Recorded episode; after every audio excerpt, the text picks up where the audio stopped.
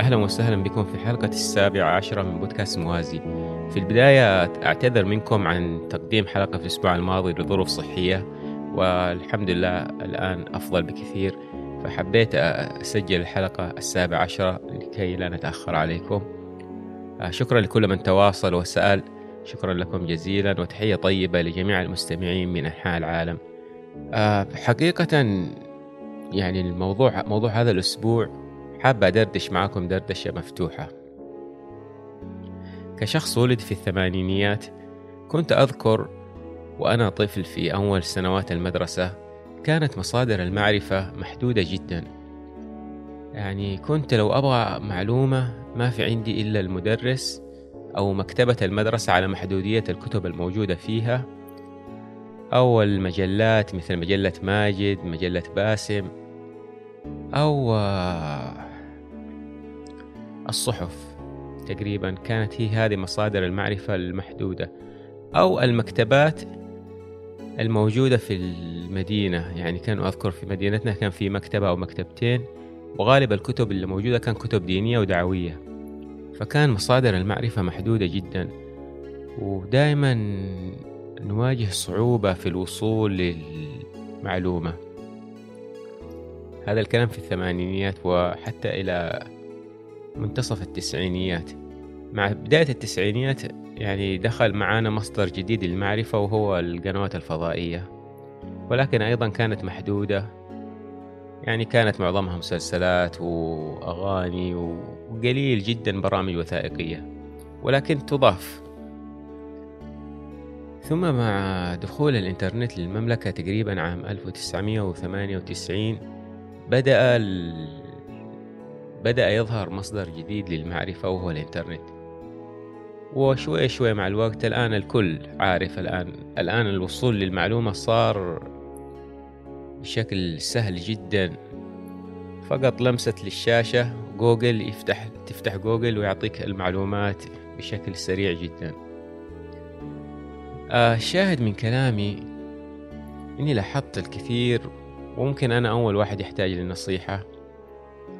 آه إنه نضيع وقت كثير جدا على شبكات التواصل الاجتماعية نضيع وقت كثير على متابعة المشاهير آه نضيع وقت كثير على تويتر فيسبوك إنستغرام سناب شات وغيرها الكثير من الش... من ال...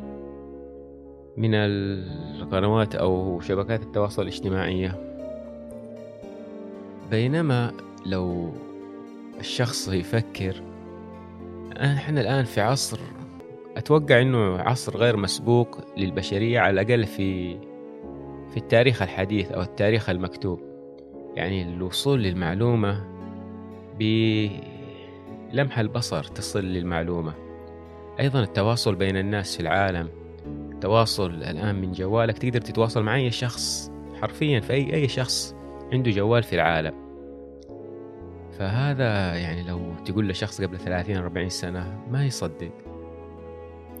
فليش نضيع وقتنا وبدل ما نستفيد من التقنية الموجودة نتعلم؟ ليش نضيع وقتنا في يعني في أشياء ليس لها فائدة؟ طبعا الكل عارف عمرنا في الحياة محدود جدا.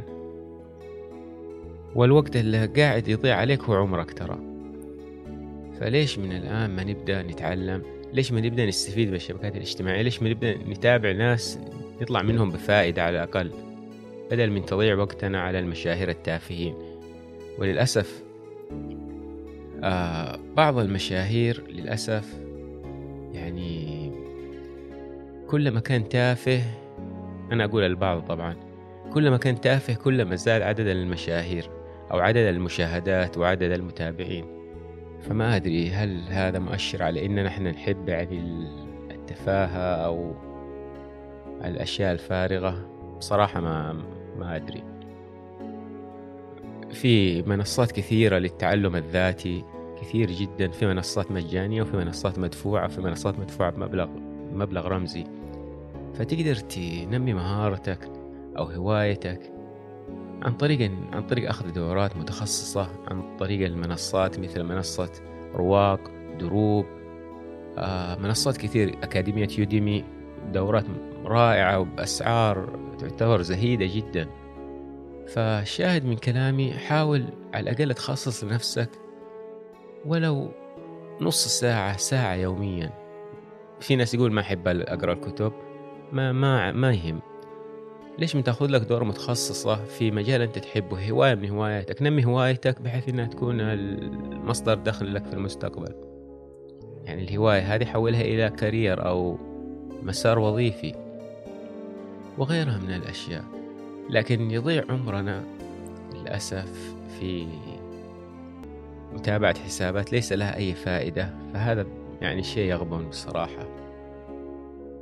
وفي الحديث الشريف عن الرسول عليه الصلاة والسلام نعمتان مغبون فيها الشخص الصحة والفراغ أو كما قال عليه الصلاة والسلام.